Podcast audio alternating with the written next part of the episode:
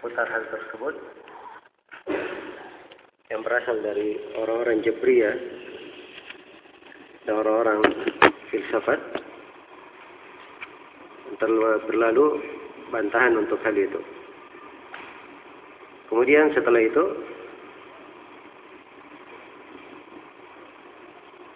Syekh rahimahullah berkata di syair yang ke-36 وقولك لما شاء وقولك لم شاء الإله هو الذي أزل أقول الخلق في قعر حفرته. فإن المجوس القائلين بخالق بنفع ورب مبدع للمضرة سؤالهم عن علة السر أوقعت أوائلهم في شبهة في شبهة الثانوية. في شبهة الثانوية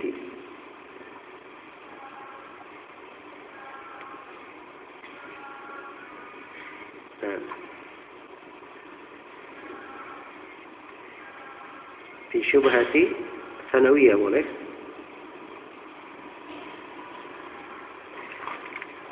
Kata beliau wa qauluka dan ucapan engkau lim sya'al ilahu. Kenapa al-ilah menginginkan?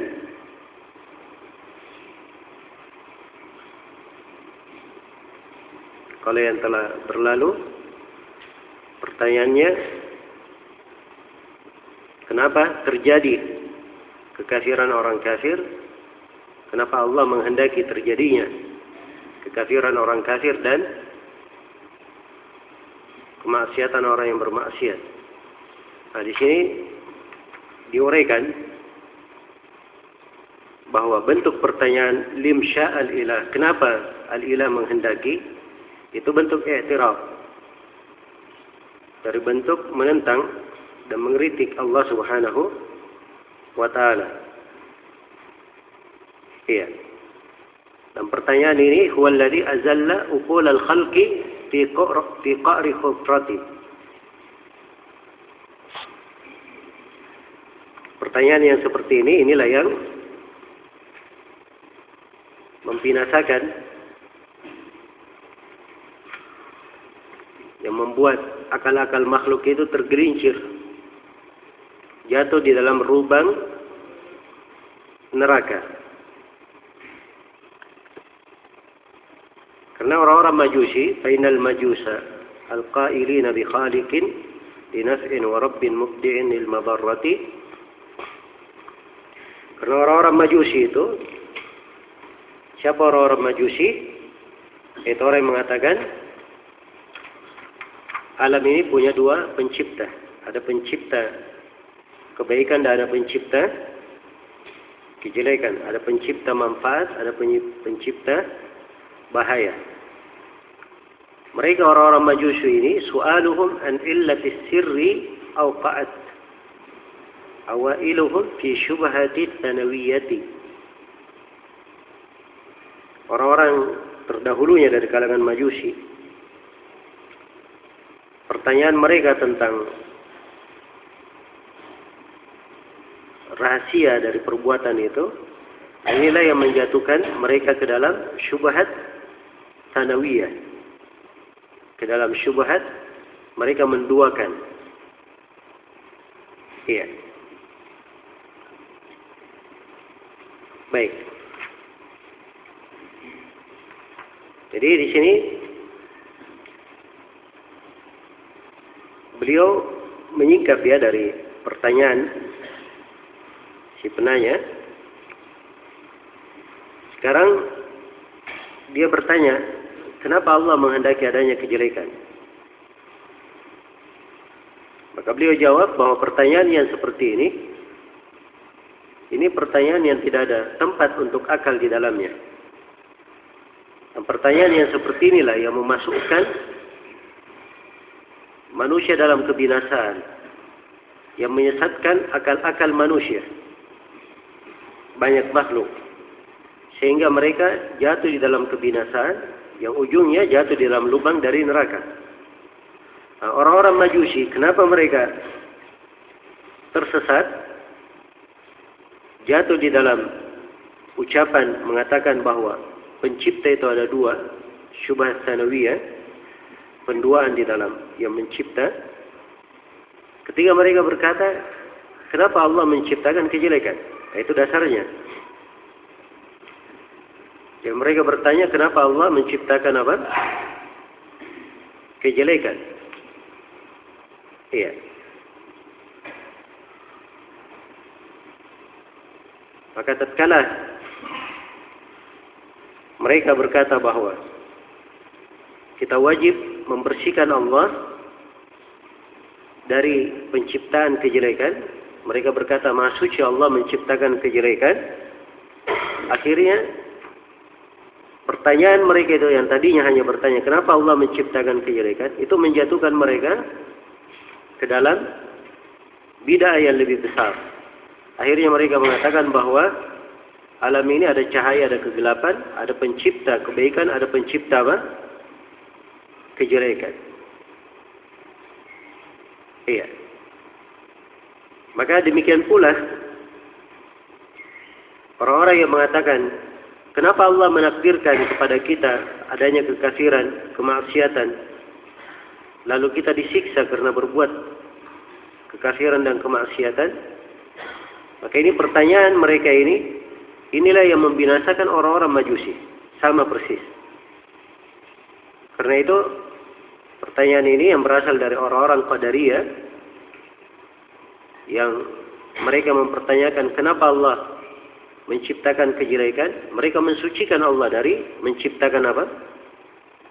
Kejelekan. Nah, inilah orang-orang Qadariyah ini dinamakan sebagai majusi umat ini, sebagaimana syah di dalam hadis Rasulullah sallallahu alaihi wasallam bersabda al-qadariyah itu majusiyah majusiyu hadhihi ummah Orang-orang Qadariyah adalah majusinya umat ini. Iya. Karena mereka mengingkari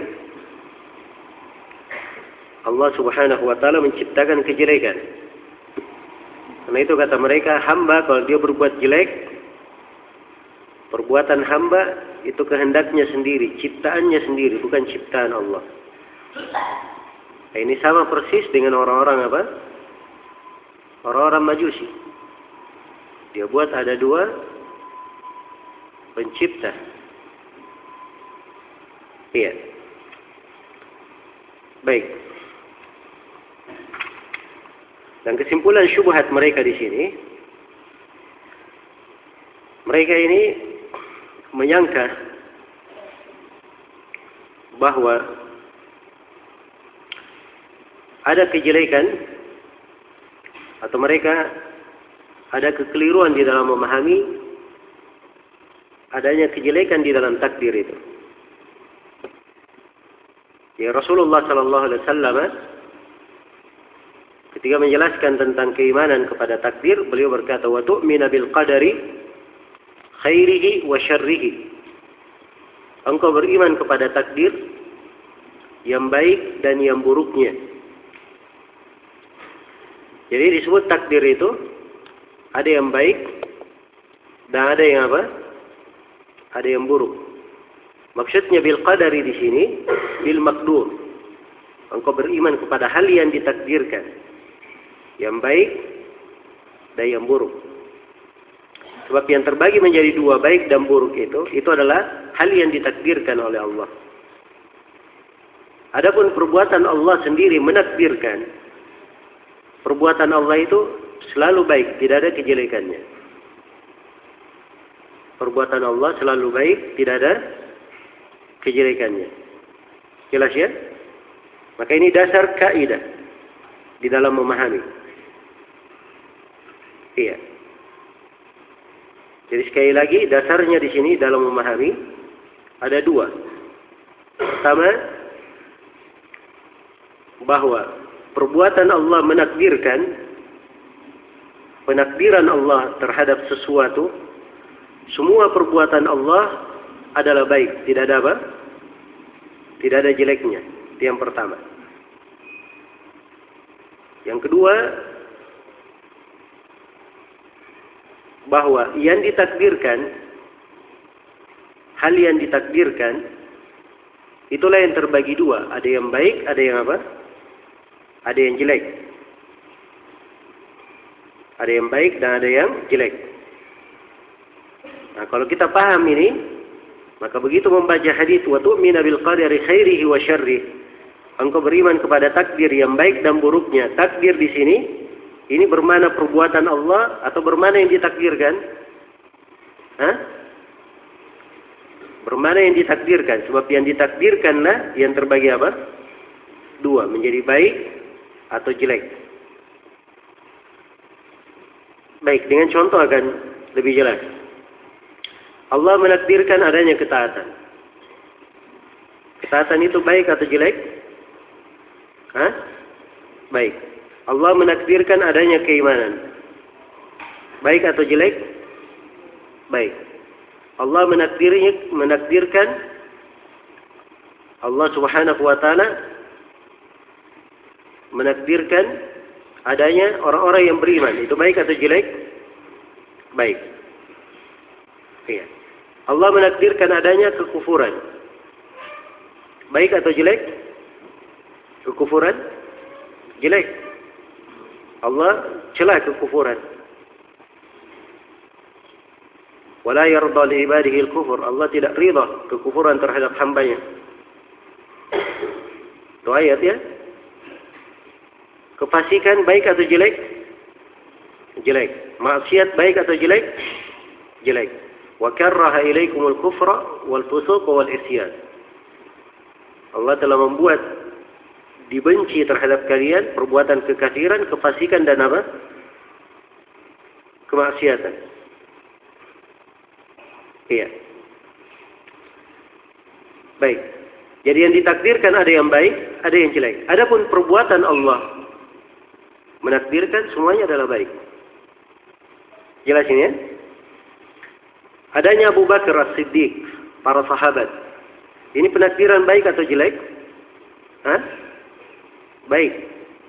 Adanya iblis baik atau jelek? Hah? jelek. Iblis. Tapi perbuatan Allah menakdirkan semuanya adalah apa? Semuanya adalah baik. Ya. Allah menakdirkan kekufuran misalnya. Ada hikmah Allah di belakangnya. Alif lam mim. Ahasiban nasu ayyutraku ayyakulu amanna wa hum la yuftanun. ولقد فتنا الذين من قبلهم فليعلمن الله الذين صدقوا وليعلمن الله الكاذبين Alif Lam Mim apakah manusia menyangka mereka akan dibiarkan begitu saja berucap kami beriman sementara mereka belum diuji sungguh kami telah menguji orang-orang sebelum mereka sehingga Allah benar-benar mengetahui siapa yang jujur dalam pengakuan keimanannya dan siapa yang berdusta. Jadi adanya ujian, cobaan, kekufuran, kefasikan, kemaksiatan, ada hikmahnya. Supaya tampak siapa yang jujur dan siapa yang dusta. Iya. Jelas ya? Jadi kejelekan, kekufuran jelek. Kekufuran itu apa? Jelek. Tetapi perbuatan Allah Subhanahu wa taala menakdirkan adanya kekufuran, kemaksiatan dan selainnya dari takdir yang jelek itu memiliki hikmah di sisi Allah. Dan perbuatan Allah semuanya adalah apa? Semuanya adalah baik. Iya. Semuanya adalah baik. Maka ini dasar kaidah ya berpijak keliru di dalam memahami ini, inilah yang menjatuhkan orang-orang di dalam apa? Penyimpangan. Iya. Allah Subhanahu wa taala itu disifatkan dengan Asmaul Husna, nama yang paling baik, sifat yang paling tinggi. Tidak ada di dalam nama dan sifat Allah sedikit pun dari kejelekan, tidak ada. Karena itu tidak boleh menisbatkan sebuah kejelekan kepada Allah.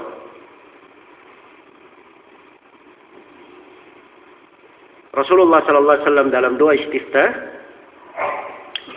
ya berucap wasyarru laisa ilaik. Kejelekan itu bukanlah kembali kepadamu. Maka menisbatkan kejelekan kepada Allah Iya. Menisbatkan kejelekan kepada Allah sebagai yang menakdirkannya ini adalah hal yang dilarang. Tidak boleh menisbatkan kejelekan kepada Allah. Sebab semua perbuatan Allah menakdirkan apa yang ditakdirkan itu baik maupun jelek, semua perbuatan Allah di dalam menakdirkan semuanya baik, tidak ada yang jelek. Karena itu kejelekan tidak dinisbatkan kepada Allah Subhanahu wa taala sama sekali. Iya. Maka ini dasarnya ya. Jadi dasar kenapa kejelekan tidak boleh dinisbatkan kepada Allah banyak dasarnya. Iya. Di antaranya kandungan dari kesempurnaan Allah. Kandungan dari nama dan sifat Allah. Tidak ada kejelekan di dalamnya. Iya. Dan Allah Subhanahu wa taala mensucikan dirinya. Subhana rabbika rabbil izzati amma yasifun. Maha suci Rabbmu Rabbul Izzah dari segala sifat yang mereka sifatkan. Allah ditanzih dari segala kejelekan. Baik. Adapun sudut yang kedua bahwa yang ditakdirkan ada yang baik, ada yang jelek itu dimaklumi. Ya, karena Allah Subhanahu wa taala telah menegakkan ketentuan dan syariatnya.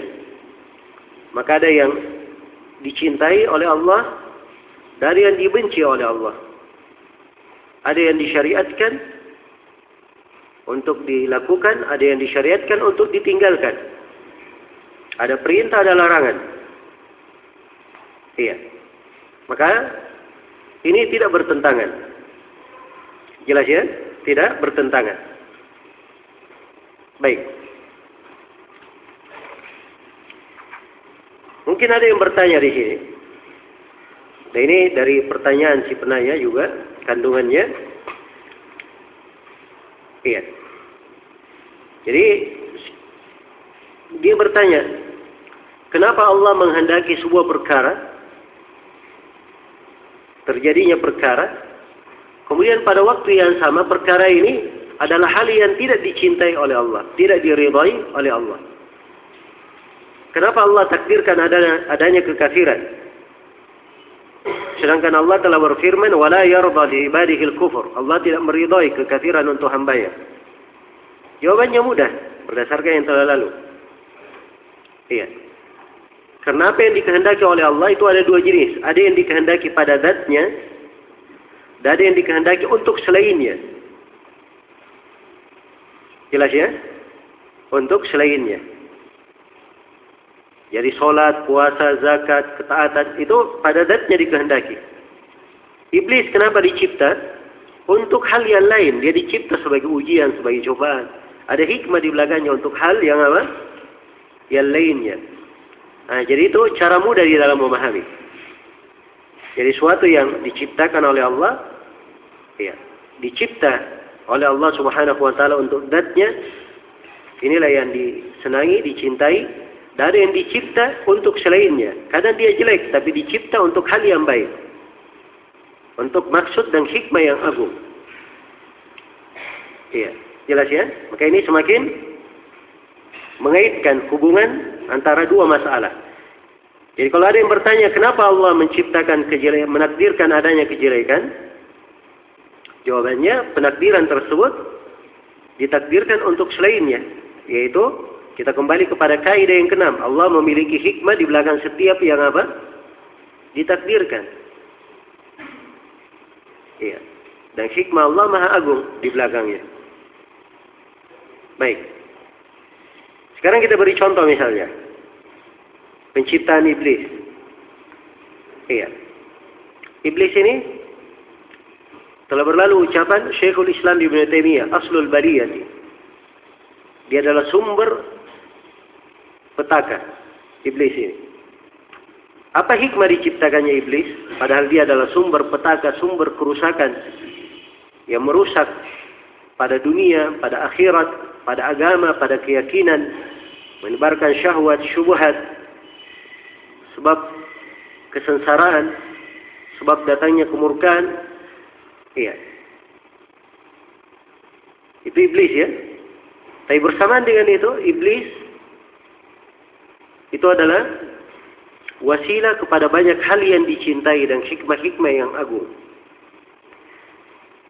Dengan diciptakannya iblis ini tampak dari nama-nama Allah yang agung, Al-Qadir yang maha berkuasa, yang maha mencipta, Al-Hakim. Allah menciptakan dari makhluk yang berseberangan, ada yang taat, ada yang bermaksiat, ada yang tunduk kepadanya, ada yang membangkang, ada yang salih, ada yang tidak salih. Dan ini menampakkan dari apa? Keagungan Allah. Penciptaan Jibril menunjukkan bagaimana keagungan Allah menciptakan hamba yang taat. Dan penciptaan iblis menunjukkan sebaliknya. Dua makhluk yang apa? Yang berbeda. Iya. Dan ini menunjukkan kebesaran Allah. Menunjukkan kesempurnaan, kemampuannya, kekuasaannya, kepemilikannya, dan kebesarannya. Iya. Kemudian dari hikmah diciptakannya iblis, ini untuk menyempurnakan tingkat penghambaan wali-wali Allah. Iya. Karena dengan adanya iblis ini, ada tantangan, ada mujahadah. Di situlah wali-wali, hamba-hamba Allah subhanahu wa ta'ala, semakin naik jenjang keimanannya. Iya. Sehingga kadang ada yang di jenjang kesabaran, ada yang di jenjang rida, ada yang naik ke jenjang syukur. Jenjang-jenjangnya bertingkat-tingkat sesuai dengan ujian dan cobaan yang dia terima. Disebabkan karena adanya syaitan iblis ini. Jelas ya? Dari situ tampak jenjang kecintaannya kepada Rabbnya, bertobat, berinabah, kembali kepadanya. Tampak jenjang jihad, berkorban untuk Allah. Bagaimana jenjang dia menghadapi syaitan, itu kelihatan. Jelas ya? Dari diciptakannya iblis di antara hikmahnya juga tanpa pengaruh dari nama-nama Allah. Kandungan dan konsekuensinya. Iya. Dialah Allah yang mengangkat, yang merendahkan, menghinakan, memuliakan. Dia maha bijaksana. Ya. Maha tawab, memberi taubat. Ya, kalau tidak ada iblis, siapa yang bertobat? Hah? Semuanya taat, siapa yang bertobat? Tidak tampak dari pengaruh nama Allah yang maha apa? Maha memberi taubat. Jelas ya? Baik. Maka ini di antara hikmah. Kemudian di antara hikmahnya juga akan tampak nanti bagaimana keanekaragaman tabiat manusia itu. Ya. Ada yang baik, ada yang jelek. Ada yang buruk, ada yang busuk. Dan sebagainya. Ini dari pengaruh adanya iblis yang diciptai. Nah, dari adanya iblis, perbuatannya mengajak manusia kepada kekafiran tampak tampak tanda-tanda kebesaran Allah. Dibinasakan kaum yang mendustakan para rasul. Tampak kebesaran Allah, diselamatkannya Nabi Nuh dan kaumnya di atas perahu. Tampak kebesaran Allah Subhanahu wa taala diminasakannya kaum Ad. Tanpa bagaimana kebesaran Allah diminasakannya kaum Lut. Jelas ya? Berbagi kebesaran dan tanda keagungan Allah itu tampak gara-gara siapa? Perbuatan iblis ini. Adanya iblis sebagai ujian dan cobaan. Iya. Jadi kalau berbicara tentang hikmah itu banyak sekali. Jadi sekarang kalau ditanya iblis, kenapa dicipta iblis padahal kejelekan? Jawabannya dicipta untuk maksud yang lain. Allah memiliki hikmah di belakangnya. Memang pada datnya iblis adalah kejelekan. Kita wajib memeranginya karena dia adalah syaitan. Kepalanya syaitan. Sedangkan Allah telah berfirman, Inna syaitan lakum adu, fattakhiduhu aduwa. Syaitan itu bagi kalian adalah musuh, hendaknya kalian selalu menjadikannya sebagai musuh. Iya. Tapi kalau kita lihat di belakang penciptaan Allah, tampak keagungan keimanan kepada takdir ini. Besarnya hikmah Allah Subhanahu wa taala, luasnya dari kemampuannya Subhanahu wa taala. Baik. Jadi kesimpulan tiga bait ini ya, pertanyaan mereka kenapa Allah menciptakan kejelekan ini sudah dijawab. Ya, jawabannya dari beberapa sisi. Sisi yang pertama bahwa kejelekan itu Tidak ada di dalam perbuatan Allah. Yang ada kejelekan di dalam apa? Hal yang dicipta. Adapun perbuatan Allah menakdirkan, menciptakan, tidak ada kejelekan. Semuanya baik. Tapi hal yang ditakdirkan, hal yang dicipta, nah inilah yang apa terbagi menjadi dua. Ada yang baik, ada yang jelek. Kemudian sisi lain bahwa adanya hal yang jelek di dalam perkara yang ditakdirkan oleh Allah Subhanahu wa taala dari hal dari takdir yang jelek, dari perkara yang jelek itu diinginkan sesuatu yang lain. Allah memiliki hikmah yang besar di belakangnya. Iya. Allah memiliki hikmah yang besar di belakangnya. Dan kalau dilihat pada sisi hikmah itu akan tampak keagungan Allah Subhanahu wa taala dalam penciptaannya. Baik. Kemudian kata beliau rahimahullah dalam bait syair yang ke-39 wa anna malahid al-falaf wa anna yaquluna bil fi'li al-qadim bi illati bagaw illatan fil kauni ba'da ba'da idamihi falam yajidu dakum fadallu bi dhallati iya. Kata beliau sungguhnya orang-orang mulhid dari kalangan kaum filsafat yang terdahulu mereka berkata bahwa kejadian mereka berkata bahwa sebab terjadinya alam ya ini adalah suatu yang sudah lama, sudah dahulu. Perbuatan yang sudah lama. Nah, jadi mereka menghendaki, ya, mereka mencari illah pada kaul, illah pada terjadinya kejadian. Ya. Mereka membahas apa alasan terjadinya alam semesta ini. Falam yajidu dakum, tapi mereka tidak mendapatkan hal itu. Maka mereka pun tersesat dengan kesesatan yang jauh. Iya. Sekarang di sini beliau uraikan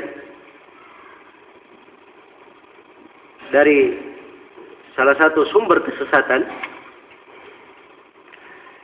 ya adalah sibuk di dalam mencari apa ilah perbuatan Allah. Dan ini sudah berlalu ya di awal bait syair. Wa aslu dhalalil khalqi min kulli firqatin huwa al-khawdu fi fi'lil ilahi bi illati. Asal kesesatan seluruh firqah yang ter, telah menyimpang dari manusia itu karena mereka larut tenggelam membicarakan apa alasan perbuatan Allah. Nah, ini orang-orang filsafat seperti itu. Mereka di dalam masalah alam ini, alam ini ini ciptaan Allah atau dia sudah lama. Mereka mengatakan bahwa alam ini sudah lama, qadim. Iya. Dan dia terus menerus seperti itu. Iya.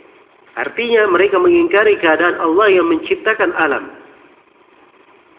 Jadi alam ini saja ini mereka bilang ini suatu yang sudah lama terjadi, sudah lama dengan sendirinya. Itu artinya mengingkari adanya Allah. Ada yang mencipta. Yang mencipta saja diingkari apalagi para rasul, kitab-kitab. Iya. Tapi karena mereka ini sibuk di dalam mencari hal yang tidak tampak, akhirnya mereka sendiri sesat dan menyimpang di dalamnya. Karena itu pandangan-pandangan orang-orang filsafat itu beraneka ragam di dalam masalah ini. Iya, bertabrakan ucapan-ucapan mereka. Nah, karena itu kesesatan mereka ini betul-betul kelihatan. Allah Subhanahu wa taala berfirman, "Falamma ja'atkum rusuluhum bil bayyinat farihu bima 'indahum min al-'ilm wa haqa bihim ma kanu bihi yastahzi'un." Begitu datang para rasul membawa bayyinah, membawa keterangan yang jelas, maka mereka ini gembira dengan ilmu yang mereka miliki. Mereka anggap bahwa ilmu mereka itu sudah benar. Pengetahuan mereka itu benar. Ya. Maka kejelekan ini selalu menimpa mereka. Dan ketika kebenaran itu datang, dibawa oleh para nabi dan para rasul, diingkari oleh pemikiran filsafat, itu pasti ujungnya kegoncangan. Sebagaimana firman Allah, "Bal kadzabu bil haqqi lamma ja'ahum fahum fi marij." Bahkan mereka mendustakan kebenaran. Begitu kebenaran itu datang, mereka dustakan. Maka mereka pun berada di dalam perkara yang centang perenang dalam sebuah kegoncangan. Iya. Ini di antara bahaya orang yang menyelisihi apa? Orang yang menyelisihi kebenaran. Baik, maka di sini beliau singgung tentang orang-orang filsafat yang mulhid. Mulhid itu malahida, mulhid dari kata ilhad. Ilhad itu orang yang melenceng, miring. Iya. Yang dimaksud dengan ilhad, dia menyimpang dalam keyakinan dan amalannya. Ilhad. Orang-orang filsafat, al-falaf, al-falasifah itu dari falsafah. Nah, ada yang mengatakan bahwa filsafat ini terdiri dari dua kata. Dia dari kalimat Yunani, dari kata filu atau dari kata fila dan maknanya sama. Filu dan fila itu bermakna dia cinta. Lebih mengutamakan. Dan potongan yang kedua dari kata sufis atau sufia. Jadi filosof atau filosofia. Sufis ini atau sufia itu artinya hikmah Ya kalau bahasa umumnya filsafat itu adalah orang yang cinta hikmah. Orang yang mencari lebih mengutamakan hikmah. Jelas ya? Itu kalimatnya. Ya, bagus mananya, tapi bukan hikmah di dalamnya. Ya. Tidak ada hikmah di dalamnya. Yang ada adalah nikmah. Adab dan kesensaraan. Waliyahzubillah. Nah, Jadi orang-orang filsafat ini itu pemikirannya beraneka ragam. Ada filsafat orang-orang filosof Yunani. Nah, ini dasarnya ya. Yang terkenal dengan filsafat itu. Kemudian setelah itu, setelah filsafat masuk di tengah umat Islam, awal mulai masuknya itu di generasi ketiga, Hijriyah. Di masa pemerintahan Khalifah Al-Abbasi Ma'mun, Al-Ma'mun. Nah, di situ mulai diterjemahkan buku-buku filsafat. Maka mulailah masuk musibah ini di tengah umat. Ya, karena bentuk dari filsafat ini kecenderungannya ini menanyakan, mencari hikmahnya, mempermasalahkan kenapa, bagaimana, kok bisa dan sebagainya. Ya. Maka ini pun masuk di tengah umat menjadi musibah dan petaka. Jelas ya? Karena itu kalau ada yang membanggakan ilmu filsafat di masa ini, itu artinya dia membanggakan kebatilan. Tidak ada kebaikannya dari filsafat. Iya. Karena itu Imam Syafi'i rahimahullah dan para imam yang lain sangat benci sekali terhadap ilmu filsafat itu. Iya. Sampai apa namanya Imam Syafi'i memberi hukum terhadap orang-orang yang belajar filsafat. Kata beliau hukumku terhadap orang yang belajar filsafat agar supaya mereka ini dipukul dengan terompa-terompa kayu. Kemudian dibawa berkeliling. Dinaikkan ke, atas kendaraan, dibawa berkeliling ke kampung-kampung ke pelosok-pelosok lalu diumumkan kepada manusia bahwa inilah hukuman terhadap orang yang berpaling dari Al-Quran dan Sunnah dan mempelajari apa? Mempelajari filsafat. Iya. Di masa dahulu ada orang yang waktu itu belum ada filsafat di masa Khalifah Umar bin Khattab. Tapi ada orang yang bertanya mirip dengan pertanyaan orang-orang filsafat ya seperti di kejadian Sobik bin Isl Dia bertanya tentang apa? Tentang ayat. Wadariyati darwan falhamilati wikra. Mustabihat dalam tafsir. Hal yang mutasyabih dalam tafsir itu yang dia tanyakan. Padahal ada yang muhkamnya. Maka ketika didengar tentang sabik ini, maka Umar pun berkata kepada gubernurnya, ya awal apa namanya rombongan yang sampai ke ke mana ke Medina awal rombongan yang berangkat ke Medina sudah harus membawa sobik ini. Maka didatangkanlah sobik. Lalu dicambuk oleh Umar sampai dia pingsan. Diobati sampai sembuh. Datangkan lagi panggil lagi tukang cambuk cambuk sampai pingsan diobati di penjara diobati sembuh datang lagi cambuk sampai pingsan, penjara sampai sembuh. Dihadapkan lagi ke Umar. Umar masih panggil, tukang cambuk. Kata Sobik di keempat kalinya, dia berbicara, ya Amirul Mukminin, kalau ingin, kalau engkau ingin membunuh saya, perbaiki cara membunuhnya. Iya. Tapi kalau engkau ingin yang di kepalaku ini hilang, maksudnya pemikirannya hilang, maka saya sekarang sudah tobat. Diterima ucapannya oleh Umar, tapi dilihat dulu buktinya dipulangkan ke negerinya, dilarang ada yang dekat ke dia. Sampai benar tobatnya, barulah seperti biasa. Nah, ini pendidikannya Umar. Kira-kira bagaimana dengan kalau Umar hidup di masa sekarang ini, naudzubillah. Orang-orang yang menjadikan filsafat sebagai apa? Suatu kepandaian. Saya pernah lewat di sebuah masjid, lewat sholat saya. Ada orang lagi ceramah di situ. Ya. Dia apa namanya terangkan sebuah masalah. Ini masalah saya baru terangkan dalil-dalil globalnya saya. Belum saya ulas dari sisi tasawufnya, belum saya ulas dari sisi falsafatnya. Naudzubillah. Dianggap sebagai apa?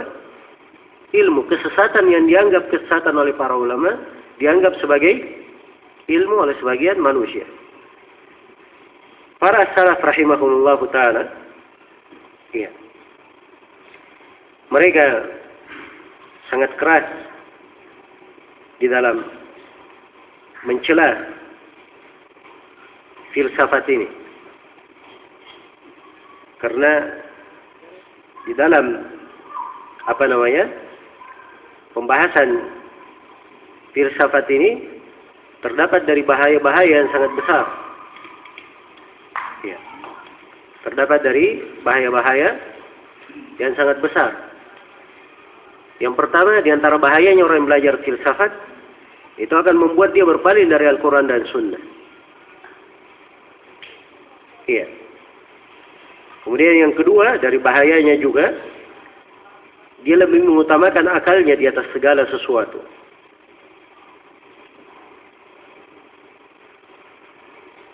Nah,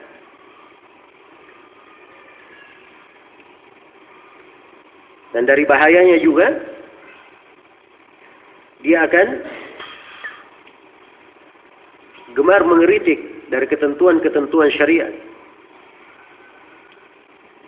Jadi akan gemar mengeritik dari ketentuan-ketentuan syariat. Iya.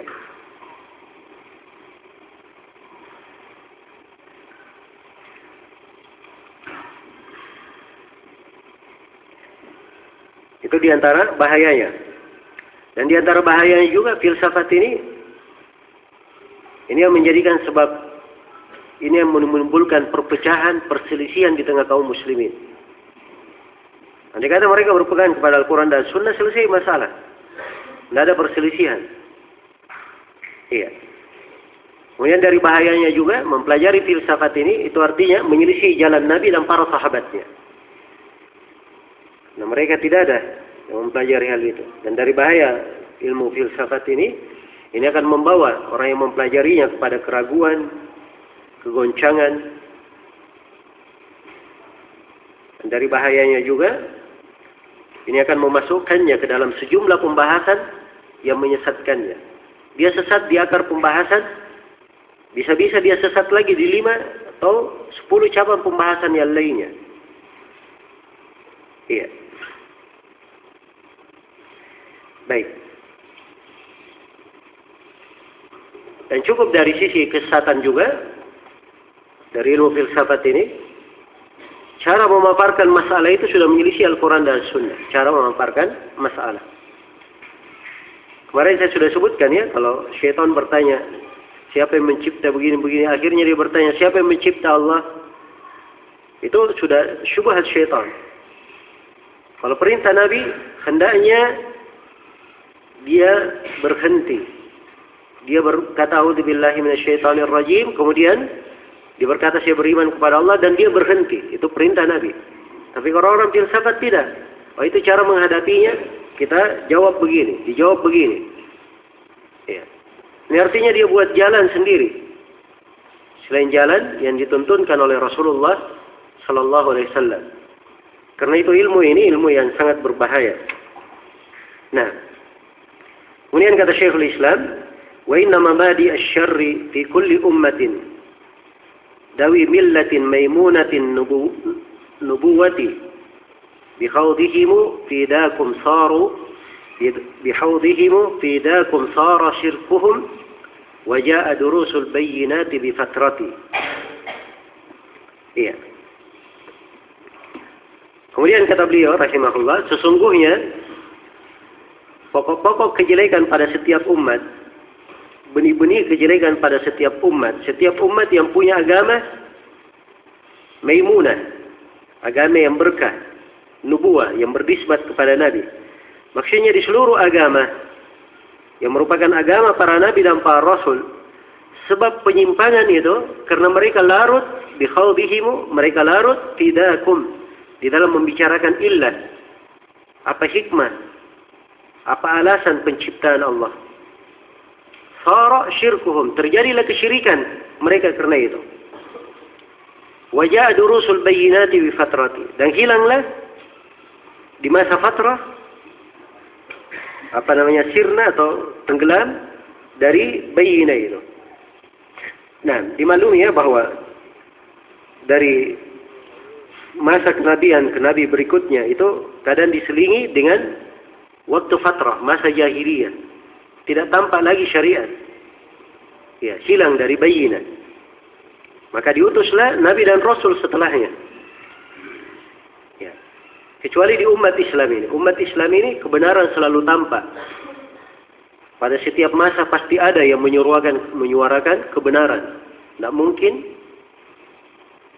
apa namanya sirna. Iya. Dan ini dari keistimewaan umat Islam. Baik. Jadi sekarang beliau uraikan di sini sebab penyimpangan dari kaum dari umat-umat yang menyimpang. Kalau sebelumnya di bait syair yang di awal-awal pertemuan beliau berkata wa aslu dalali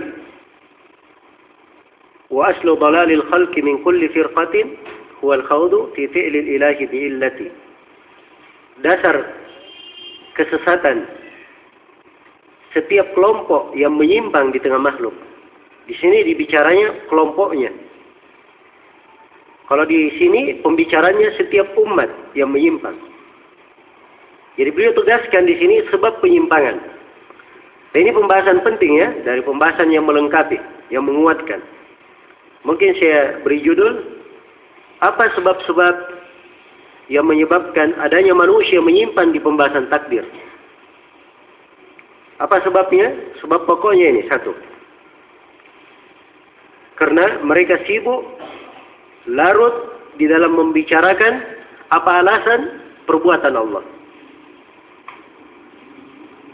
Apa alasan penakdiran Allah. Ini dasar penyimpangan yang pertama. Dan ini sudah kita uraikan ya pada pembahasan-pembahasan yang telah lalu. Besarnya penyimpangan ini. Sudah dipaparkan oleh Syekhul Islam dari keterangan-keterangan yang menyingkap betapa bahayanya orang yang gemar sering sibuk punya kebiasaan larut di dalam membicarakan perbuatan Allah. Kenapa begini? Kok bisa begitu? Ada apa begini? Ini semuanya adalah sumber penyimpangan. Ya. Dasarnya Allah telah berfirman, "La yus'alu amma yaf'al wa hum yus'alun." Allah itu tidak ditanya apa yang dia lakukan. Mereka lah makhluk yang ditanya. Jadi Allah subhanahu wa ta'ala tidak ditanya apa yang dia kerjakan. Mereka lah makhluk yang ditanya. Itu yang pertama. Kemudian yang kedua, dari dasar penyimpangan, dari dasar penyimpangan di pembahasan takdir, tidak dibedakan antara dua kehendak Allah. Ada irada kauniyah dan ada irada apa? Syariah. Dan ini sudah kita bahas panjang lebar. Dan lihat ya, ketika tidak membedakan dua iroda ini, masuk di dalam berbagai penyimpangan. Banyak sekali penyimpangan. Sampai yang mengatakan kenapa Allah menciptakan, menghendaki terjadinya kejelekan. Nah, ini karena tidak memahami mana apa? Irada kauniyah dan irada syariah. Jadi seakan-akan kalau Allah menghendaki terjadinya kejelekan, seakan-akan Allah cinta kejelekan itu. Padahal tidak seperti itu, tidak mesti seperti itu. Karena irada kauniyah itu tidak bermana, tidak harus bermana Allah cinta. Itu bermana kehendak Allah yang harus terjadi. Mungkin Allah cintai, mungkin Allah tidak cintai. Dan terjadinya kejelekan, itu irada Allah kauniyah. Jelas ya? Dan ini sudah kita bahas pada pertemuan yang telah lalu. Kemudian berikutnya, yang ketiga, dari sebab penyimpangan di pembahasan takdir, adalah mengkiaskan perbuatan makhluk dengan perbuatan Allah. Iya. Jadi kalau itu jelek di sisi makhluk, dianggap jelek pula di sisi Allah. Ini dari dasar kerusakan. Dia kiaskan Allah dengan makhluknya. Padahal Allah itu telah berfirman dalam Al-Quran, Laisa kamithlihi syai'un, wa huwa sami'ul basir tidak serupa dengan sesuatu apa pun dan dialah Allah yang maha mendengar lagi maha melihat. Iya. Jadi sekarang si hamba berkata kalau dia berbuat begini itu jelek bagi dia. Maka dia kiaskan kemestiannya Allah tidak boleh menakdirkan ini, bukan takdir Allah, sebab ini jelek juga. Nah, ini gara-gara dia kiaskan. Padahal dia makhluk. Ya. Adapun Allah di dalam perbuatannya Allah Subhanahu wa taala memiliki hikmah di belakangnya. Sesuai dengan keagungannya, kebesarannya, keadilannya, rahmatnya dan hikmahnya. Ya. Berbeda dengan apa? Berbeda dengan makhluk. Maka mengkiaskan perbuatan Allah dengan perbuatan makhluk ini dari sumber kesesatan. Dari sumber apa? Kesesatan.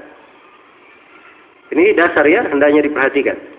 Kemudian yang keempat dari penyimpangan dasar ini ya adalah masalah at-tahsin wa takbih al-aqliyain. Masalah menganggap baik atau menganggap buruk secara akal. Nah, di sini berpencar dua kelompok menyimpang. Ada kelompok Jabriyah dan ada kelompok Qadariyah. Orang-orang Qadariyah dari kalangan Mu'tazilah, mereka berkata akan itu yang menentukan. Itu yang menentukan baik buruknya sesuatu. Yang baik itu apa yang dianggap baik oleh akal. Yang buruk adalah apa yang dianggap buruk oleh akal. Dan mereka mengharuskan itu berdasarkan apa? berdasarkan akalnya. Diharuskan. Dan ini kerusakannya orang-orang Mu'tazilah. Kalau sebaliknya orang-orang Jabriyah, bahasanya mereka lebih halus ya. Katanya yang baik itu apa yang dianggap baik oleh syariat. Yang jelek apa yang dianggap jelek oleh syariat. Masya Allah indah bahasanya. Tapi maksud mereka Akal itu tidak ada andilnya di situ. Kebaikan semata dari syariat. Makanya sesuatu itu ya mereka menerima saja. Itu pemahamannya Jabriyah, dia terima saja. Dia seperti hal yang seorang tidak mampu mengerjakannya Allah yang membuatnya. Dia mengerjakannya. Ini pendapatnya orang Jabriyah. dari kekeliruan dalam hal ini itulah sumber penyimpangan. Dan harusnya di madhab ahli sunnah bahwa akal ya, yang baik dan yang buruk itu memang Allah yang menentukannya, tapi akal bisa memahami. Ada kemampuan bisa melaksanakannya. Kebaikan dan kejelekan sesuai dengan kadar istita'ahnya. Sesuai dengan hikmah Allah Subhanahu wa taala. Iya. Sesuai dengan hikmahnya. Nah, itu pendapatnya ahli sunnah, pertengahan antara dua apa? Dua kelompok. Iya. Maka dasar yang keempat ini yang menjatuhkan banyak manusia di dalam penyimpangan. Dia jatuhkan manusia di dalam penyimpangan. Jadi ini empat sumber penyimpangan di pembahasan takdir. Jangan sampai ada yang masuk di dalamnya. Jelas ya? Hendaknya dia menjauhi ya. Baik. Kemudian kata beliau, "Wa yakfika naqban anna ma qad sa'altahu min al-udri mardudun lada kulli fitrati. Ya, dan cukuplah sebagai bantahan yang menghancurkan hujjah kamu, wahai orang yang bertanya, bahwa apa yang kamu tanyakan dari udur, dari alasan, itu ditolak pada setiap orang yang punya fitrah. Ya, sekarang kamu yang bertanya, orang yang bertanya. Ya. Dia kan kasih udur. Saya sekarang kenapa kafir? Kasih saya udur. Kenapa saya kafir? Itu sudah ditakdirkan. Kenapa saya berbuat maksiat? Karena Allah sudah takdirkan. Saya berbuat maksiat. Makanya harusnya saya tidak disalahkan sebab itu adalah takdirku. Nah, ini syubhat mereka. Syekhul Islam di sini masuk menjelaskan syubhat pertanyaan berhujjah dengan takdir untuk kemaksiatan. Iya. Dan ini yang dilakukan oleh orang-orang Qadariyah al-Musbitah. Qadariyah al-Mujabbirah. Dari kalangan Jabriyah. Jadi kalau jatuh dalam dosa, maksiat, oh ini kan sudah ditakdirkan terhadap saya. Dia berhujjah dengan takdir terhadap dosa dan maksiat. Bagaimana cara membantah orang yang berhujjah dengan takdir ini? Ya, Ibnu Taimiyah rahimahullah mulai ya sebenarnya bantahannya dibantah dari Al-Qur'an, dari sunnah, dari hadis, dari fitrah. Tapi cukup kata Ibnu Taimiyah yang membantah yang menghancurkan hujjah kamu berhujjah dengan takdir, cukup yang menghancurkannya bahwa kamu berhujjah dengan takdir itu itu bertentangan dengan fitrah. Cukup itu. Menghancurkan dari pemahamanmu. Kok bisa? Sekarang beliau uraikan sisi-sisinya. Kata Ibnu Taimiyah, "Fa anta tu'ibu at-ta'irina jami'ahum 'alaika wa tarmihim bi kulli madammati." Kamu mencela seluruh orang yang mencela kamu. Iya. Dan kamu lempar mereka dengan segala cercaan. Jadi kalau ada yang cela dia, ada yang menghujat dia, ada yang memburukkan dia. Ya. Jelas ya, ada misalnya mencela dengan bahasa naudzubillah, bahasa yang tidak baik, bahasa kotor misalnya. Atau dia berkata kamu ini anak zina misalnya. Atau berkata begini dan begitu. Apa yang dia lakukan? Pasti dia akan bantah, dia balas, dia celah. Ya, harusnya dikatakan kepada kamu, loh, ya, kenapa kamu celah dia? Itu kan sudah takdir Allah. Harusnya begitu kan? Sudah takdirnya Allah. Allah takdirkan dia seperti itu. Kenapa kamu celah dia? Biarkan saja. Ya, tapi ternyata dia tidak seperti itu. Enggak, ini Orang kurang ajar harus dibalas. Iya. Ini orang tidak benar. Harus di apa? Dibantah. Nah, berarti dia sendiri yang secara fitrah sudah apa? Sudah menyalahkan dirinya. Sisi lain.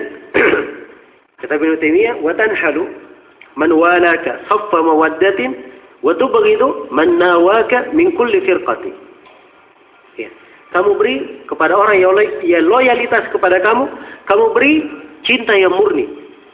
Kalau bagus loyalnya, bagus juga persahabatannya, bagus akrab kecintaannya. Ya. Tapi orang yang membencinya, orang yang memusuhinya, dia akan benci siapa pun orang itu. Dia benci. Ya harusnya kamu kalau berhujjah dengan takdir, ya tidak melakukan itu. Sebab apa? Ya kan semua sudah ditakdirkan. Tidak perlu ada yang dimusuhi, tidak perlu ada yang apa? Dia cinta maupun dia benci. Semuanya sudah ditakdirkan. Nah, wahaluhum fi kulli qawlin wa fi'latin kahalika ya hada bi arjahi hujjati. Ya, maka keadaan orang yang seperti ini tadi pada segala ucapan dan perbuatannya itu sama dengan keadaanmu wahai penanya. Sama dengan hujjah yang sangat jelas, sama. Ya, tidak ada bedanya. Jelas ya? Tidak ada bedanya. Maka tampak di sini beliau ingin menjelaskan bahwa kamu yang berhujjah dengan takdir untuk melakukan maksiat itu menyelisih syariat, menyelisih akal sehat, menyelisih fit, menyelisih fitrah.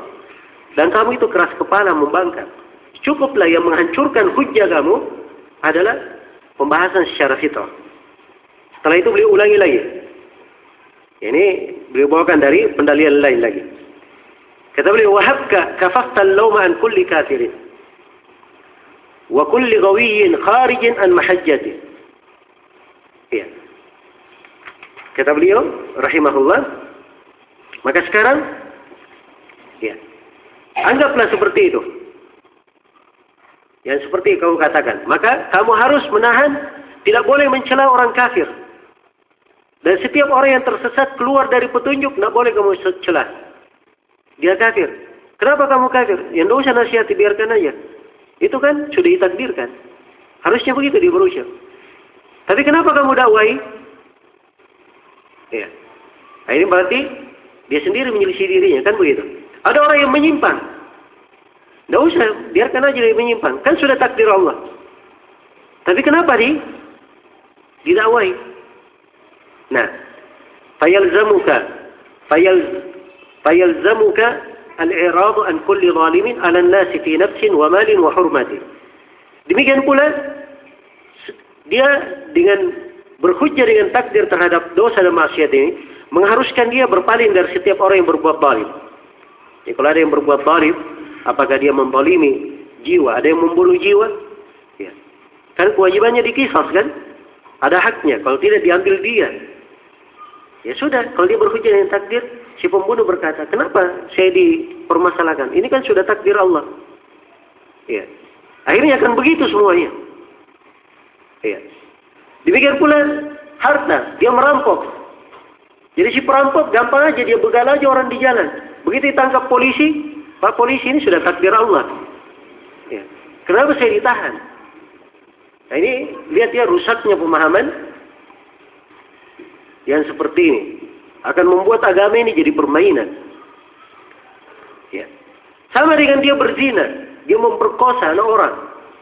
Ketika dihukum, ditegur, loh ini kan sudah takdir Allah, sudah terjadi.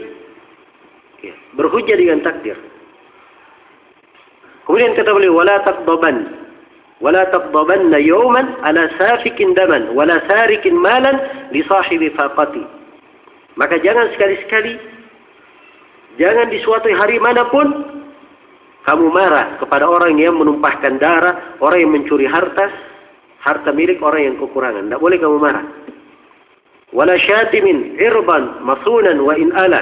Tidak boleh kamu ya, marah kepada orang yang mencela kehormatan orang yang terjaga. Kalau ada yang berkata kamu anak zina, kamu perempuan pelacur, kamu begini dan begitu, tidak boleh kamu marah. Bagaimanapun celahannya wala nakihin farjan ala wajhi gibat giyati. Ala wajhi gayyati dan tidak boleh marah juga terhadap orang yang berzina. Dalam bentuk kesenangan-kesenangan orang yang memperkosa. Ya. itu konsekuensinya. Wala qatil linnasi nahja sabirihim. Wala mufsidin fil ardi min kulli wajhatin tidak boleh marah pula kepada setiap orang yang merampok di jalan. Atau orang yang berbuat kerusakan dalam bentuk apa pun. Tidak boleh dia marah. Kan sudah takdir Allah. Dikembalikan ucapannya. Wala syahirin bizzur ifkan wa firyatan. Wala qadibin lil muhsanati. Ya, tidak boleh pula dimarah orang yang bersaksi dengan kedustaan, kepalsuan. Dengan dusta dan kepalsuan dia bersaksi. Ya. Dia boleh aja berhujjah. Oh saya kan sudah takdir Allah saya bersumpah seperti itu. Ada orang yang menuduh perempuan baik-baik, menuduh zina, harusnya di peradilan hukumnya dicambuk 80 kali. Ya. Maka mungkin saja dia berkata, ini kan sudah takdir Allah, kenapa saya dicambuk? Nah, wala muhlikin lil harthi wan nasli adiman wala hakimin lil alamina birishwati. Nah, boleh marah pula kamu kepada orang yang menghancurkan dari hewan ternak dan tumbuh-tumbuhan dari pertanian dan hewan ternak sengaja dihancurkan. Tidak usah marah. Ya, yang hilang sapinya, hancur kebunnya. Wah itu kan sudah takdir Allah. Tidak usah menuntut ganti. Itu takdirnya Allah. Ya. Demikian pula orang yang berhukum dengan riswah. Tidak usah dipermasalahkan. Wa kuffa lisan al-lawmi an kulli mufsidin wala ta'khudan da jurmatin bi uqubati. Demikian pula tahan lisanmu, jangan kamu celah setiap orang yang berbuat kerusakan. Dan setiap orang yang melakukan kriminal tidak boleh dihukum. Ya, kan begitu kan? Dia mencuri, oh ini saya dengan takdir Allah. Dia berzina, saya dengan takdir Allah. Membunuh, saya dengan takdir Allah. Kalau begitu tidak usah semuanya kamu hukumi. وسهل سبيل الكاذبين تعمدا على ربهم min kulli ja'in bi Demikian pula mudahkan jalannya para pendusta yang sengaja berdusta atas nama Allah. Ya kalau ada yang sengaja berdusta atas nama Allah, berdusta atas nama Rabbnya, sudah mudahkan saya. Oh biarkan, nah, itu kan sudah takdir Allah. Dia ini berdusta. Naudzubillah ya. ya. Ini konsekuensi. Ya. Semuanya. Dari ucapannya berhujjah, dengan takdir terhadap maksiat ini konsekuensinya. Lihat bagaimana hasilnya. Dia sendiri dengan fitrahnya tidak mungkin dia terima itu, tidak mungkin. Iya. Wa in qasadu wa in qasadu idlala man yastajibuhum birumi fasadin nawi thumma riyasati. Walaupun dia bermaksud menyesatkan orang yang mengikutinya, ya, dengan sengaja membinasakan mereka kemudian untuk berkuasa. Ya. Semua yang seperti itu tidak boleh dia apa namanya? Tidak boleh dia permasalahkan. Biarkan saja. Kan sudah takdir. Wajadil anil mal'uni fir'auna ittaga fa'ugriqa fil yammi intiqaman bighabbati. Demikian pula orang yang berhujjah dengan takdir ini hendaknya dia bela Fir'aun. Ya, Fir'aun yang dilaknat oleh Allah ditenggelamkan di dalam laut, hendaknya dia kritik Allah. Kenapa Fir'aun ditenggelamkan? Kenapa dia apa namanya dibinasakan. Bukankah sudah ditakdirkan dia kafir? Harusnya kan begitu. Dia mengkritik Allah nantinya. Demikian pula wa kulla kafurin musyrikin bi ilahi bi ilahihi. Wa kulli kafurin musyrikin bi ilahihi. Wa akhira tagin kafirin bi nubuwati. Demikian pula hendaknya dia bela. Setiap orang yang kafir musyrik kepada Rabbnya dan setiap orang yang sewenang-wenang kafir terhadap Nabi, dia bela semuanya. Ka'adin, wa namrudin, wa qawmin li salihin, wa qawmin li nuhin, thumma ashabil aikati. Seperti kaum Ad, kaum Namrud, kaumnya Salih, kaumnya Nabi Nuh, ashabul aikata. Ini semuanya ini semuanya kaum-kaum yang sudah kafir dibinasakan. Artinya mereka ini ya harusnya tidak perlu dibinasakan. Bela saja mereka. Kenapa mereka dibinasakan? Kan sudah takdir Allah mereka itu kafir. Ya. Wa khasim li Musa, thumma sa'ira man ata min al-anbiya'i mujiban lisyari'ati. Demikian pula debat Nabi Musa dan seluruh nabi yang datang setelahnya. Karena Nabi Musa dan para nabi yang lainnya mengajak manusia mengikuti syariat. Ya. Salahkan para nabi itu. Kenapa kalian berdakwah? Biarkan saja manusia kafir. Kan sudah ditakdirkan kafir. Salahkan para nabi. Naudzubillah ya, dari konsekuensinya lihat. Ya. Kemudian kata beliau, ala kaunihim qad jahadun nasa itbagaw wa nalu min al-asi balighal uqubati. Apalagi para nabi itu, mereka sudah berjihad kepada manusia yang sewenang-wenang dengan segala bentuk jihad. Orang yang bermaksiat dihukum dengan siksaan, dengan hukuman yang keras. Salahkan para nabi. Kenapa? Dihukumi. Kenapa nabi misalnya Nabi Muhammad berjihad memerangi orang-orang kafir Quraisy Kan sudah ditakdirkan mereka kafir. Iya. Wa illa fa kullul khalqi fi kulli lafzatin wa lahzati ainin wa taharruki sya'rati. Demikian pula seluruh makhluk pada setiap ucapan dan keadaan dalam setiap ucapan maupun pandangan mata dan gerakan rambut wabat wabat wabat syati kaffin atau tahatti qudaimatin wa kulli syarakin bal wa kulli sakinatin hum tahta aqdaril ilahi wa hukmihi fama anta fima qad ataita bi hujjati ya kata beliau jadi sekarang sudah nampak jelas kerusakan ucapanmu konsekuensinya luar biasa naudzubillah konsekuensi batilnya kalau kamu berhujjah dengan takdir, maka secara fitrah itu tampak sekali kebatilannya. Cukup itu yang menghancurkan. Iya. Jelas ya? Jadi itu konsekuensi-konsekuensi batil yang muncul.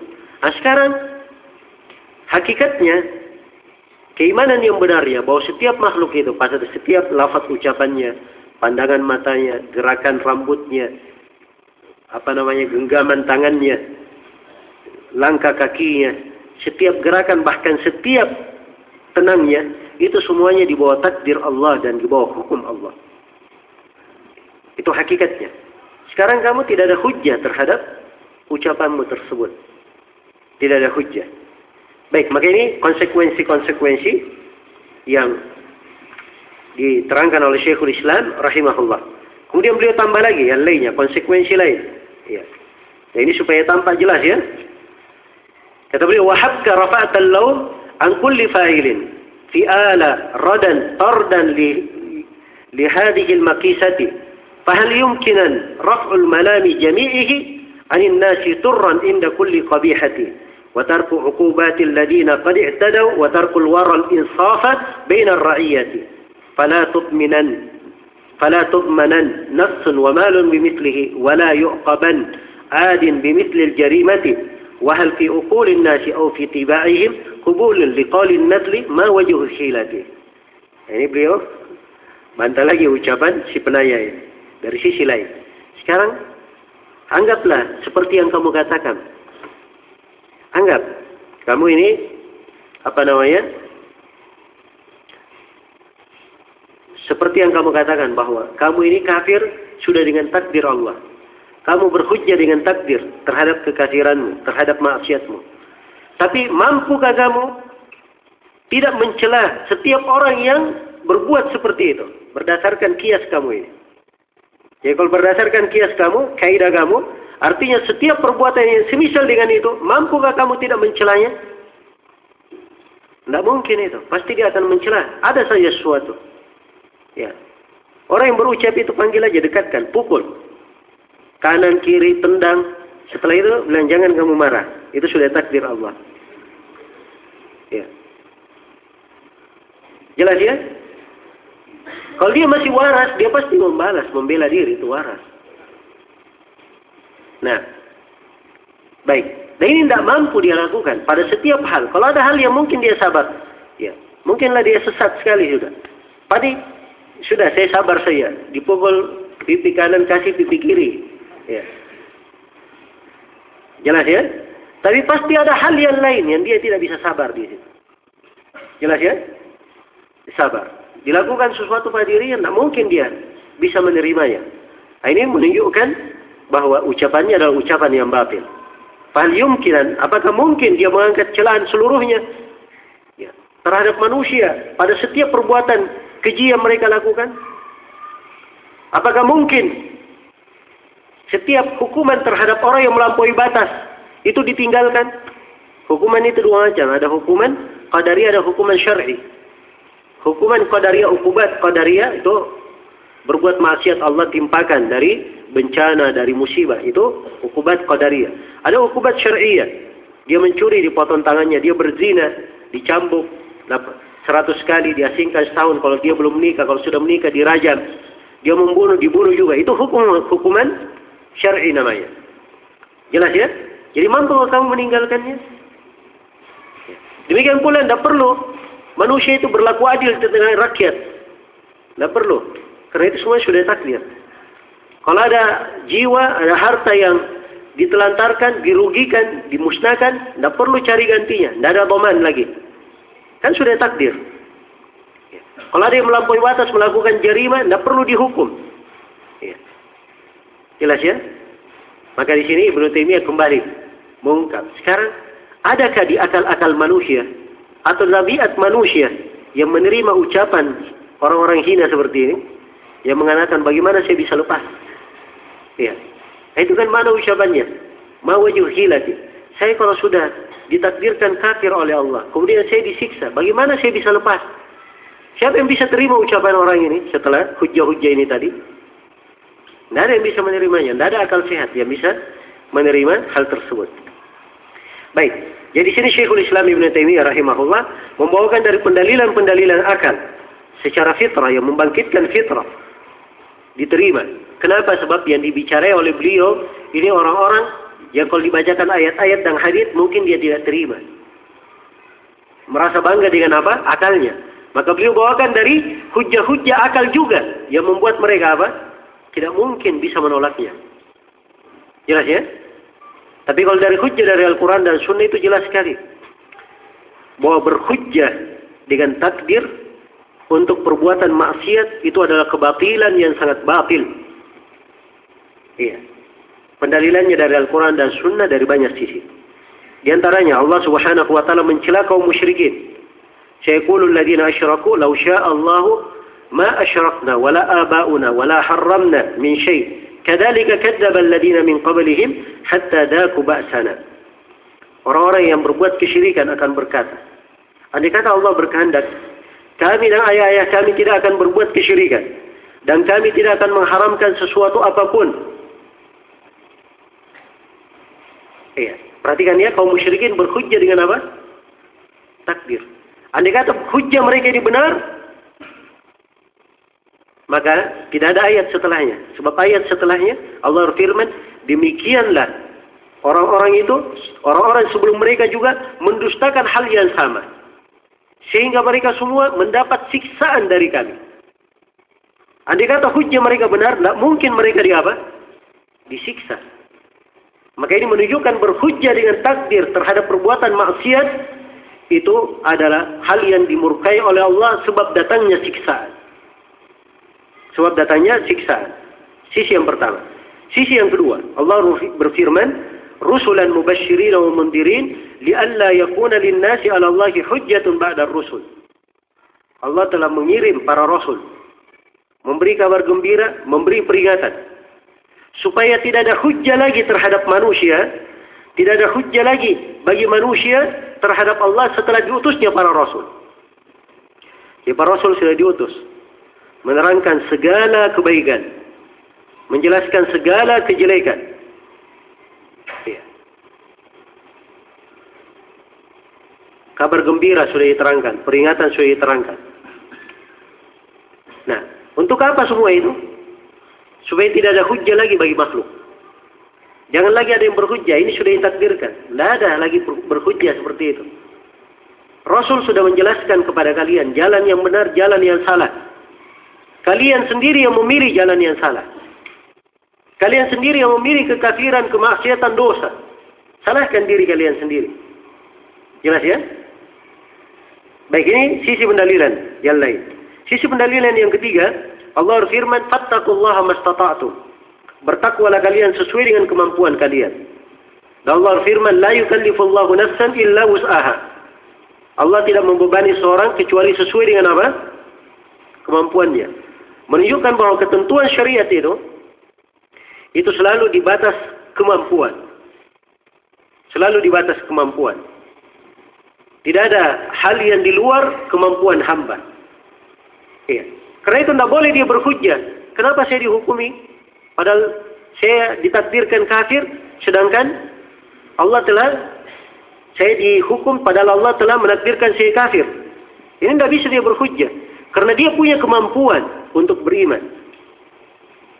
Punya kemampuan untuk tidak kafir. Ketika dia tetap kafir, maka itu kesalahan dari siapa? Dari dia, diri dia sendiri. Maka ini menunjukkan batilnya berhujjah dengan apa? Dengan takdir. Iya. Andai kata berhujjah dengan takdir itu adalah boleh, maka penduduk neraka di dalam neraka itu sudah berhujjah dengan takdir. Dalam Al-Quran dikabarkan ya ucapan penduduk neraka.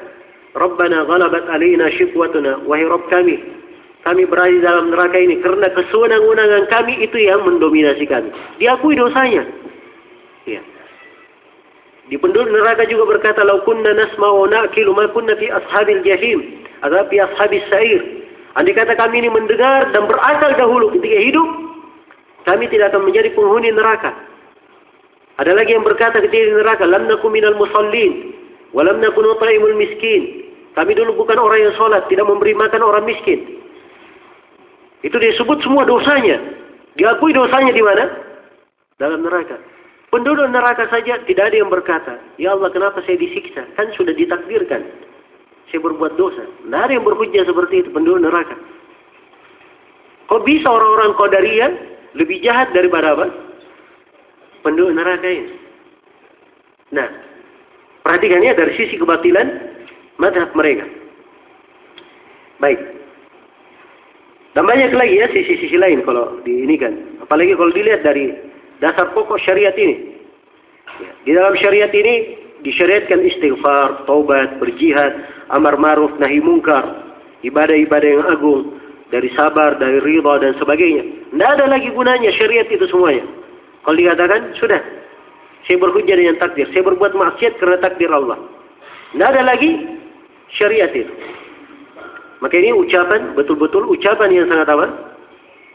Ucapan yang sangat mengerikan. Na'udzubillah. Iya. Baik. Di sini ada syubhat mereka. Ada satu syubhat mereka. Mereka berkata, bukankah Nabi Adam berhujjah dengan takdir? Iya. Karena ada hadis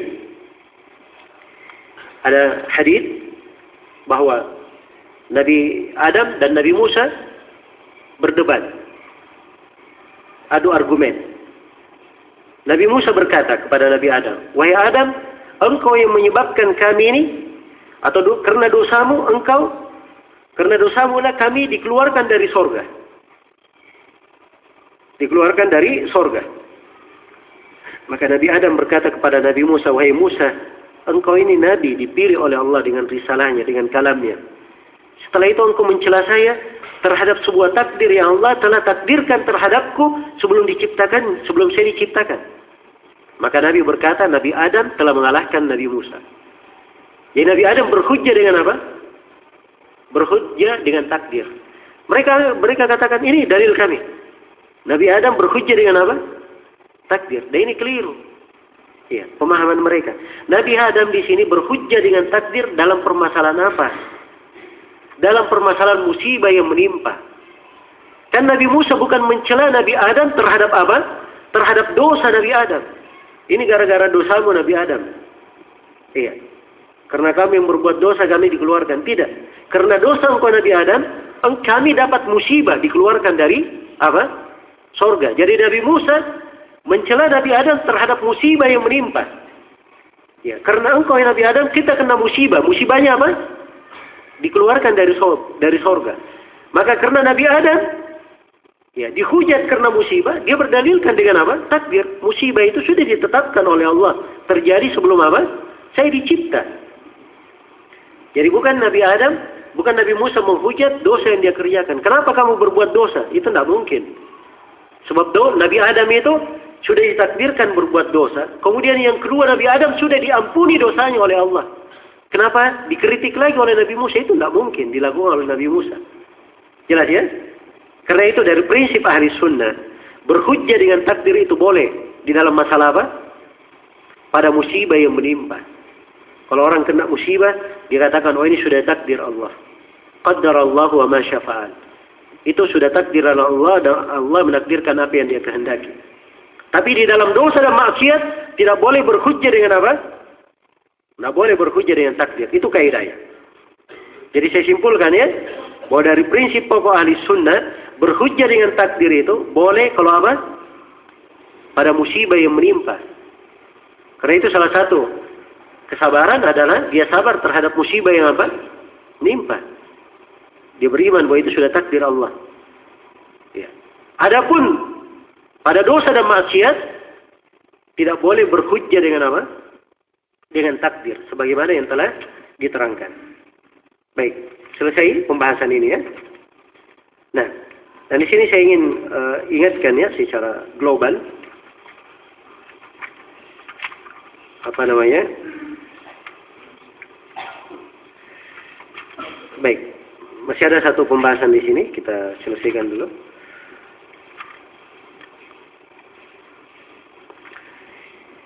Dari bantahan juga orang yang berhujjah terhadap takdir ini dibantah dibantah sisi lain oleh Syekhul Islam. Kata beliau wa yakfika naqdan ma bi jismi ibni Adam sabiyyin wa majnunin wa kulli bahimati min al-alam al-maqdi min ghairi hilatin wa fi ma yasha'u Allah akmal hikmati wa fi ma yasha'u Allah akmal hikmati. Kata beliau dan di antara hal yang mencukupi engkau wahai penanya sebagai bantahan untuk kamu apa yang ada di jasad anak Adam. Anak Adam siapa? Anak kecil, bayi. Kalau bayi ini keluar, ya, dia kesakitan atau tidak bayinya keluar? Hah? Saya tanya, bayi keluar kesakitan atau tidak? Kalau dipotong urat anunya, dipotong pusarnya, sakit atau tidak? Ya, sakit. Jelas ya? Karena itu menangis anak bayinya. Dan itu dari sebab tadi, walaupun ada sebab yang lain ya, diganggu oleh syaitan, sebagaimana dalam sebagian hadis. Dari sebagian sebab yang lain. Dan itu dari sebab. Adakah ada? Anak kecil, dicubit, menangis anak itu. Padahal dia belum berakal. Iya. Demikian pula orang yang gila. Orang gila kalau dipentungi, nangis juga. Jelas ya? Demikian pula bahima, hewan. Hewan tidak ada akalnya. Tapi juga merasa sakit. Nah, semuanya mendapatkan sakit tanpa ada yang bisa menolaknya. Ya, tanpa ada yang bisa menolaknya. Sekarang, ya, ditanyakan kepadanya dulu. Orang-orang yang bertanya ini. Nah, ya, sekarang dari hikmah Allah mengharuskan mereka itu sakit. Padahal mereka ini tidak mukallaf. Bukan orang yang ada beban syar'i di dalamnya. Nah, maka ini menunjukkan bahwa segala sesuatu itu sudah ditakdirkan seperti itu. Iya. Dan pada apa yang Allah kehendaki itu ada banyak hikmah. Kenapa anak ini sakit? Orang gila juga sakit. Binatang sakit. Tidak bisa dia tolak itu. Padahal sebenarnya mereka tidak bukanlah. Allah maha memiliki hikmah di belakangnya. Allah maha memiliki hikmah di belakangnya. Baik. Maka ini sisi lainnya yang menjelaskan. Baik. Untuk pembahasan di belakang musibah dan apa penyakit ke kepedihan, sakit yang menimpa badan itu ada hikmah-hikmah besar di belakangnya. Padahal ketentuan menimpa, tapi ada hikmahnya.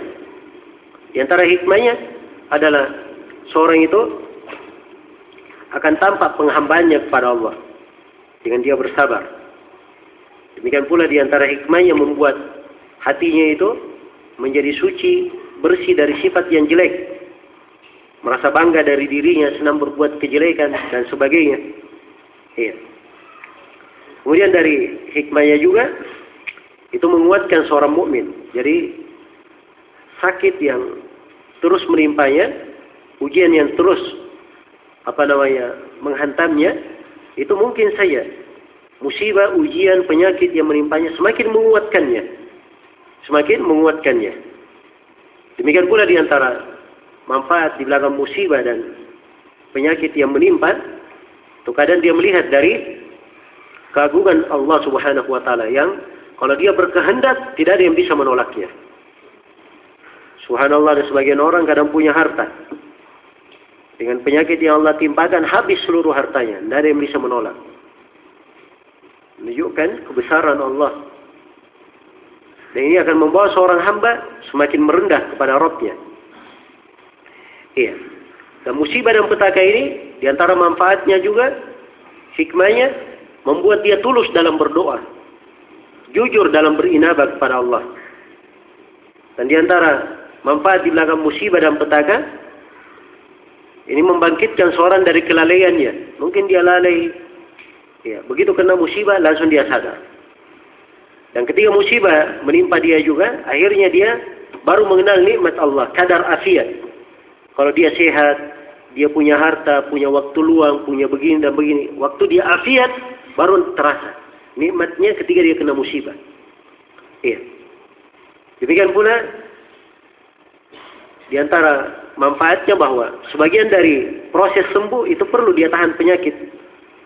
Perlu dia tahan sakitnya. Seperti orang yang dipotong jarinya yang sudah apa namanya dimakan ulat atau membahayakan anggota yang lainnya dipotong untuk menjaga yang lainnya. Dia tahan dari sakit untuk menjaga yang apa? Yang lainnya. Di antara hikmahnya juga rahmat bagi orang yang tertimpa musibah.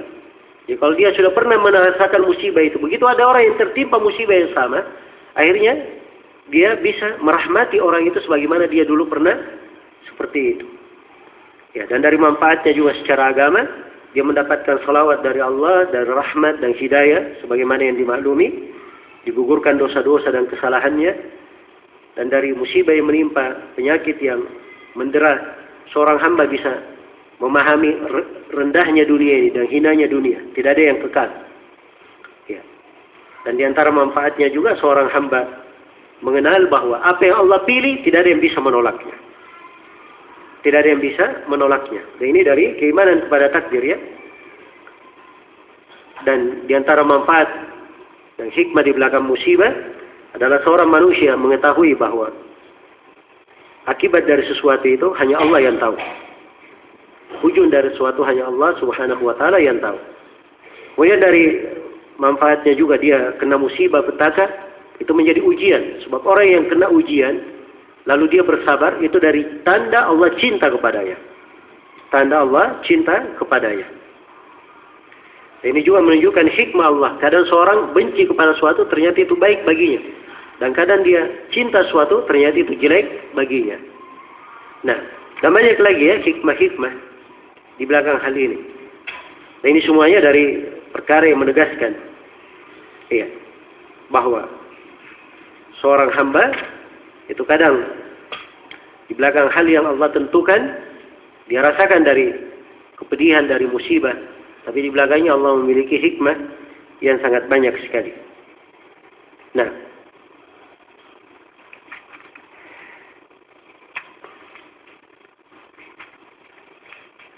Baik, saya kira sampai sini dulu. Insya Allah Ta'ala kita lanjutkan nanti di sesi berikutnya. Subhanakallahumma bihamdik. Asyadu an la ilaha illa